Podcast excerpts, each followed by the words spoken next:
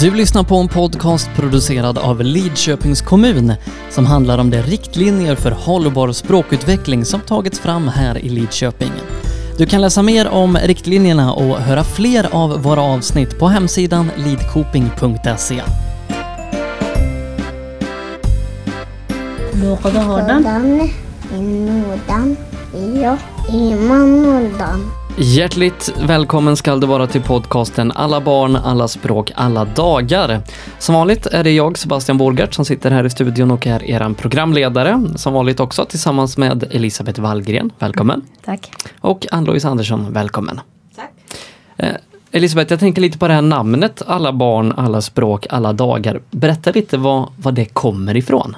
Alla barn, alla språk, alla dagar. Det har Mauro Khosravi myntat. Och vi tog faktiskt kontakt med henne och frågade om vi fick lov att använda den rubriken och det tyckte hon var helt okej. Vi känner att vi utmanar oss själva genom den här rubriken. För vad alla barn och alla språk, alla dagar, då får man vara rätt så medveten i sitt arbetssätt för att det ska bli så. Och vi ser det som en utmaning och en eh, väldigt spännande tanke. För vi tänker att alla språk är ju lika viktiga. Och alla barn är lika viktiga och alla dagar är viktiga.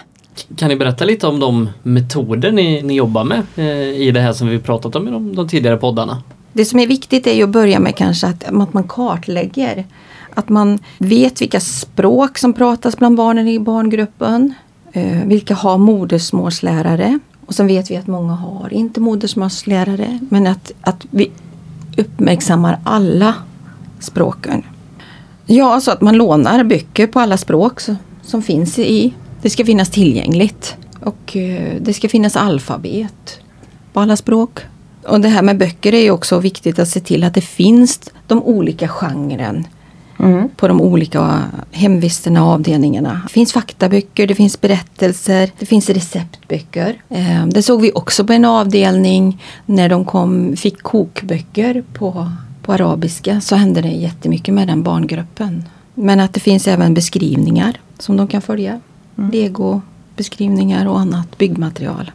Och sen är det många som trycker på att om man, när man håller på och jobbar i ett projekt att man inte nöjer sig med bara att prata svenska utan de här nyckelorden eh, det som är viktigast i projektet. Om man arbetar till exempel med myran, att man lär sig eh, ta reda på utav föräldrar och modersmålspedagog vad myra heter på de olika språken. Och på något sätt träna, försöker att få det att låta som det ska låta på de olika språken. Man kan ju använda den teknik som finns. Man har ju bilder och man kanske kan använda att man spelar in. Mm. Man kan göra QR-koder, man kan scanna av. Det finns ju, alltså hur man gör det finns ju otroliga möjligheter till. Men att man det kände jag, min tankekarta hitta. blev väldigt bra när vi gjorde. För då kunde modersmålslärarna komma in där mm. och hjälpa. De kunde prata utifrån tankekartan och de kunde också skriva dit ord. Mm. Även när vi gjorde de här ritberättelserna. Mm. Och föräldrarna kunde också hjälpa barnen då. Alltså man tänker fler språk. Mm. Man inte bara tänker svenska. Elisabeth, kan du berätta lite om hur ni jobbar med leken i det här? Ja, lek är ju viktigt, det vet vi ju för barn. Det lyfts fram i många olika sammanhang. Men om man tänker med flerspråkighet och med att man har olika bakgrunder så är det viktigt att alla barn får förutsättningar att delta i leken. Att man får en bakgrunds... Eh, samma upplevelser som man har vet vad de andra kompisarna leker. Att man har en gemensam upplevelse man kan leka. Så att det är ju vår uppgift som pedagoger att på olika sätt ge barnen upplevelser som går att leka. Det kan vara spel och sagor och promenader och många saker men att man tänker att det här kan lekas. Och sen när de leker så kanske det finns barn som olika, med olika bakgrund som kan behöva hjälp att komma in i leken, det vet vi. Men att man ger den stöttningen till barnen. Och även rent språkligt kan behöva hjälp med ord och fraser, eh, nyckelord. Mm. Så att de kommer med, att man är medveten om barns lek och hur viktig den är som vi vet. Men att hur barnen kommer in i leken och får samma delaktighet, att det blir ett vi. Ja, vi vet att barn lär jättemycket av varandra och leken är jätteviktig. Men vi vet också att det blir kanske ett begränsat språk så därför är det viktigt att vi är med och nära i leken och kan tillföra mm. det som ytterligare ord och mm. lite mer eh, avancerade. Det var en period som eh, barn i en barngrupp jag arbetade med eller tillsammans med, eh, de lekte mycket Daidalos. Och alla barn hade ju inte bakgrundsinformation till vad Daidalos var för någonting.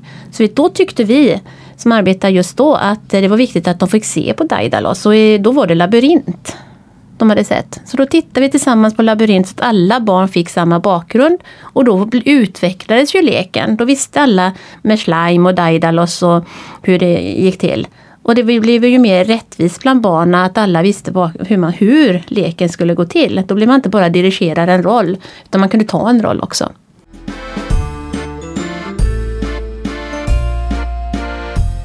Finns det fler exempel på metoder som ni jobbar med inom verksamheten?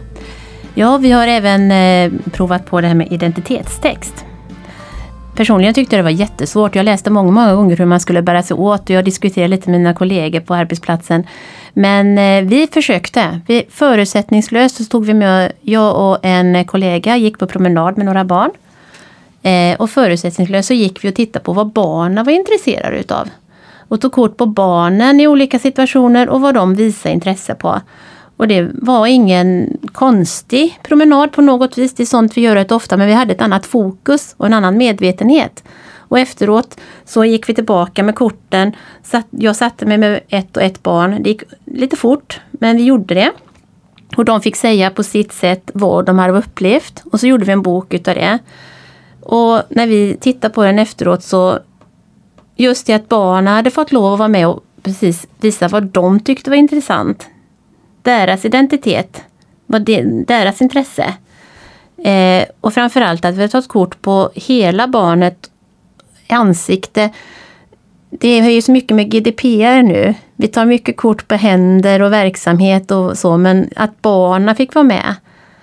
Att de var viktiga. Det måste eh, göra något för identiteten. Ja, det gör ju något för identiteten. Att jag är med med hela mig, inte bara mina händer. Mm. Det har vi haft en diskussion om. Ja. Att vi faktiskt ser eh, vikten av att ha de analoga böckerna ja. som barnen kan ta på och känna. Och där hela bilden av barnen ja. är med. Så våran sån där identitetstext det blev en bok. Där barnen var med och berättade enkelt vad de hade upplevt. Så det var ett sätt att göra identitetstext. Sen kan man själv klura på vad identitetstext skulle vara för barnen. Vi gjorde bara ett test. Men det gav många tankar på hur man kan arbeta och hur man kan få in språket. Och sen när vi satt och pratade om det i gruppen, om identitetstext, analyserade vad vi hade gjort, då kom vi ju med på också att man kan ju använda fler verktyg för att kunna berätta på sitt modersmål.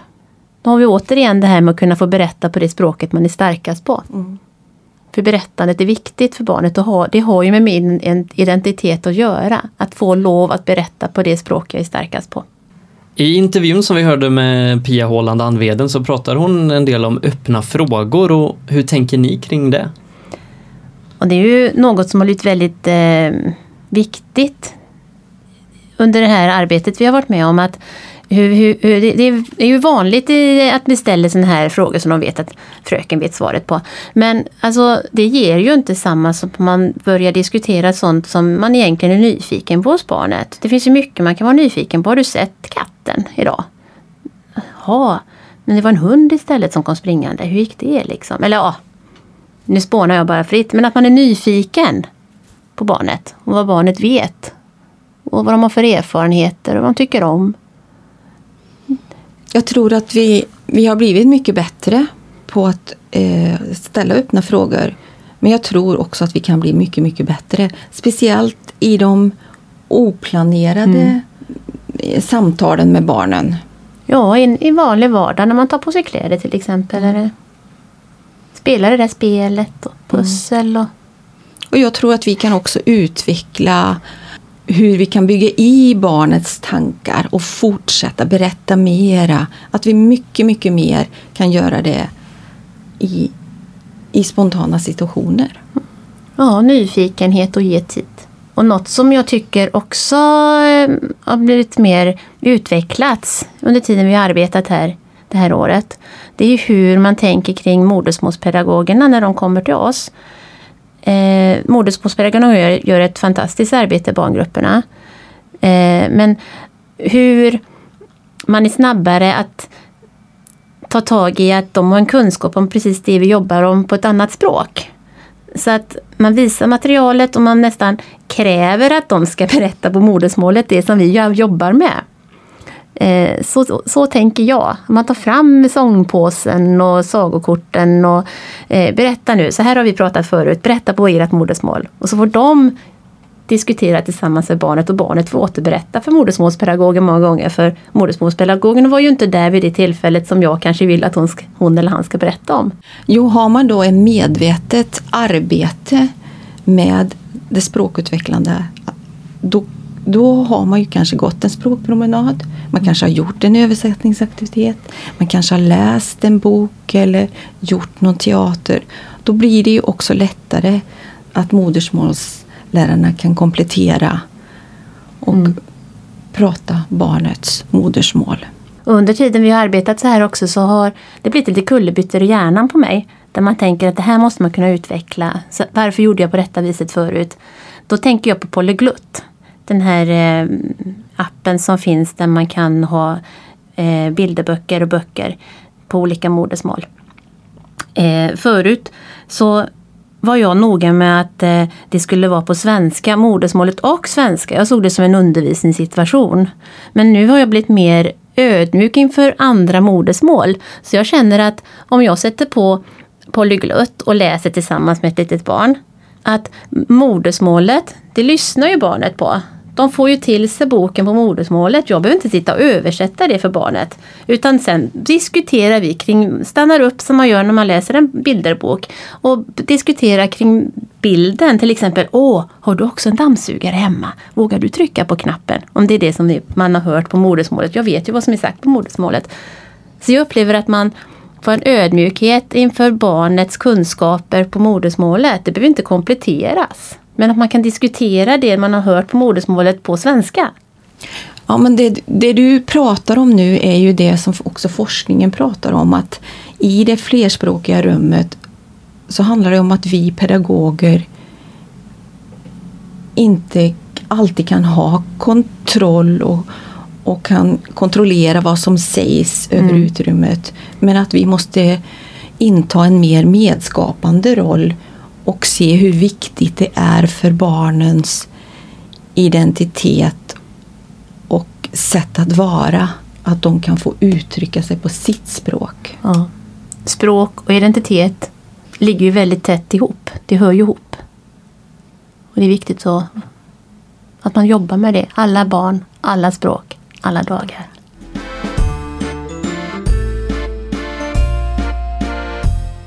Vi ska nu få höra mer om modersmålspedagogerna och deras arbete i förskolan tillsammans med Sara Engman som är enhetschef på modersmålsenheten. Och eh, i dagsläget då eh, får jag säga, för imorgon vet jag inte hur det ser ut. Just idag så har jag 30 medarbetare och vi jobbar med 26 olika språk. Det som är lite speciellt för modersmålsenheten då, eh, både att jobba här och vara chef för den är ju att man får vara väldigt flexibel. Det kan komma nya elever och barn imorgon. I förskolan så jobbar vi eh, med någonting som heter modersmålsstöd.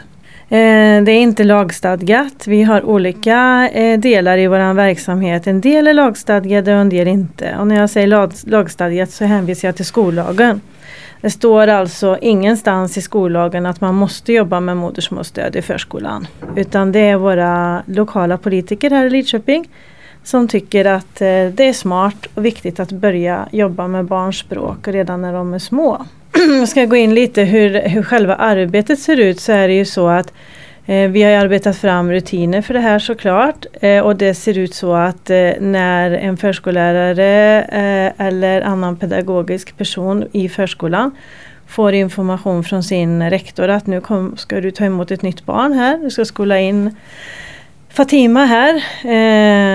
Då så frågar ju pedagogen föräldrarna, vill ni ha modersmålsstöd eller ja, kanske egentligen pratar ni något annat språk än svenska hemma? Ja det gör vi. Vi pratar till exempel arabiska men vi pratar även kurdiska. Och eh, farmor och farfar kanske pratar, eh, vad vet jag, vad ska vi dra till med? Lite franska också med Fatima ibland. Då är det så att föräldrarna måste välja ett språk man kan inte läsa flera eller få flera språk då. Och eh, då så kontaktar den här eh, förskolans pedagog mig och säger hej hej eller skriver eh, vi får ett nytt barn, önskar modersmålsstöd i, i arabiska. Då så ser jag över min organisation som i dagsläget är sex arabisklärare då vem som har mest utrymme för det nya barnet i schemat och så tar eh, arabiskläraren kontakt med, med den här pedagogen i förskolan. Sen träffas eh, föräldrar, barn, eh, förskolans pedagog och modersmålspedagogen i förskolan och man har ett inskolningssamtal där man går igenom förskolans rutiner och modersmålspedagogen berättar liksom vad är syftet med modersmålsstödet och hur funkar det i vardagen. Och sen så är det igång. Eh, då börjar ju den här långa, långa resan eh, där vi får eh, ha förmånen att vara med det här barnet från det oftast är ett, ett och ett halvt år tills det går ut nian och är på sitt sextonde levnadsår. Och det är ju helt fantastiskt roligt. Eh, modersmålspedagogen eh, besöker barnet en gång i veckan. Ibland när det är tajt i schemat så blir det en gång varannan vecka. Och när modersmålspedagogen eh, går in i förskolan så tänker han eller hon, nu är jag här för alla barns skull. Jag är inte bara här för Fatimas skull. Utan jobbar med alla barn, pratar svenska med dem som har det som modersmål och pratar arabiska med dem som kan det. Då. Och fungerar även som eh, bra bollplank, stöttning slash kollega till de svenska pedagogerna. Då. Och det kan ju se lite olika ut. Eh, till exempel så eh, brukar ju min personal hjälpa till med att översätta sagor. Eh, förskolans pedagog kan läsa liksom sagan på svenska först och sen läser ara den arabiska modersmålspedagogen samma saga fast på arabiska. Då. Och då brukar en vanlig fråga dyka upp. Jaha, men hur reagerar de barnen som inte kan arabiska då? De tycker det är jättetråkigt att lyssna på den där sagan på arabiska. Nej, det tycker de ju faktiskt inte. De tycker det är jätteroligt. De sitter väldigt så här eh, fascinerade och, och, och tysta och, och, och lyssnar. Tittar på bilderna såklart. Sen eh, etableras ju också en väldigt eh, nära och viktig relation mellan modersmålspedagog och föräldrar. Och eh, vi har ju varit sådär lite tveksamma, liksom, ska samma modersmålspedagog ha det här barnet från det ett, två år upp till årskurs nio? Eh, om man liksom har kompetens för det. Och eh, ja, vi ser att det är ju jättebra. Eh, föräldrarna har en och samma person i flera år som de kan vända sig till och framförallt barnet också. Det blir också lättare för, för modersmålspedagogen då.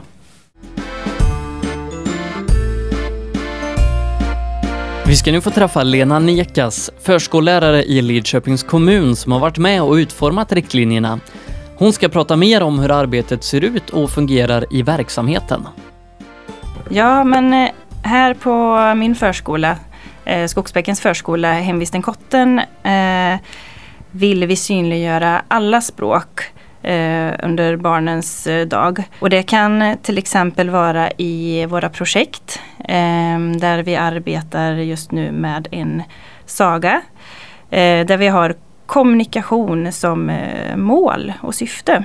Och med hjälp av modersmålspedagogerna synliggör vi vissa nyckelord eh, i det projektet.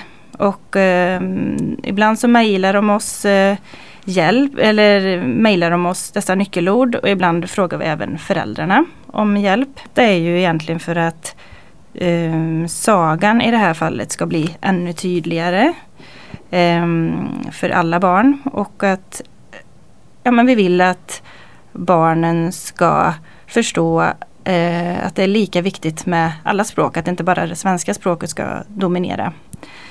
Um, vi jobbar ganska mycket med bildstöd ihop med eh, ord, de här nyckelorden. Och även att eh, vi använder oss av kroppen som hjälpmedel för att förstärka ytterligare.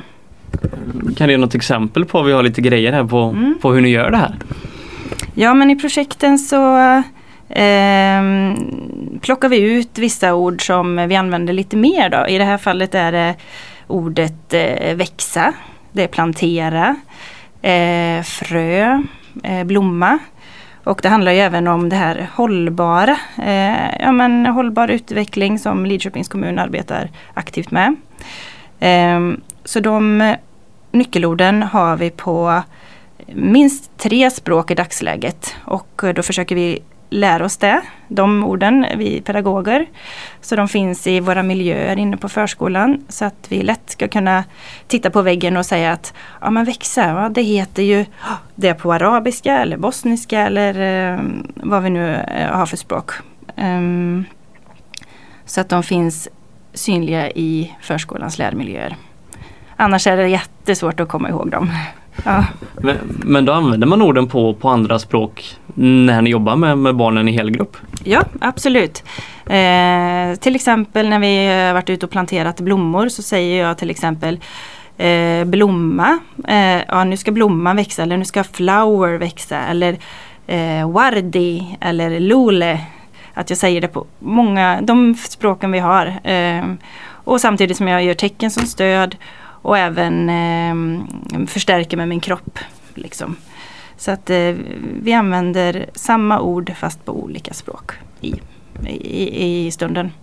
Och liksom eh, barnen som inte pratar svenska eller inte pratar arabiska, hur, hur reagerar de på liksom när man använder så många språk på en och samma gång för att beskriva en blomma till exempel? Ja, eh, många kan ju engelska eh, och eh, har lätt för att härma. Alla är ju, förstår ju inte men de försöker att härma och tycker det är jätteroligt. Och vi vill ju att de ska eh, Ja men att de ska bli eh, glada när vi försöker. Alltså det handlar inte om att vi ska lära oss ett nytt språk utan att vi ska synliggöra att alla språk är lika viktiga. Du har en guide också här när, som, som du visade lite innan eh, mm. som du använder när ni ska gå till skogen. Berätta lite om, om hur ni använder den här och hur den funkar. Ja, men eh, det ska jag göra. Eh, många av de eh, yngsta barnen är ju nybörjare i allt som har med förskola att göra. Eh, och när vi säger skogen är det kanske inte så många som har erfarenheter av skogen som miljö. Eh, därför har vi, har vi, skrivit ut ett eh, kort på skogen eh, där man ser träd och stammar och eh, mossa. Men även under det kortet har vi skrivit ehm, just eh, ordet skog på olika språk. Så att vi använder tecknet skogen, vi flyttar våra fingrar ehm, och ehm, ehm, ja, teckenstöd kallar vi det. Eh, och så säger vi även ordet skog på olika språk. Och eh, efter den det är början av den lilla guiden och sen efter det bladet så kan man även se en, ett kort på en reflexväst. vilket också betyder att då ska vi ta på oss västen och att det förknippas med skogen. Och ett kort på en grind, att vi ska gå igenom grinden för att komma till skogenmiljön. Eh, och då upplever vi att barnen har lättare för att förstå vad de ska vara med om. Det är som ett bildstöd ihop med, med några nyckelord men även tecken som stöd. Då. Vi pratar ju mycket om riktlinjerna som du då har varit med och arbetat fram, men hur mycket av det som du berättar berättar nu och, och som ni gör här stämmer överens med riktlinjerna? Eh, och eh, det handlar ju om de här nyckelorden som jag beskrivit. Eh, det handlar även om att vi har böcker på andra, andra modersmål än svenska.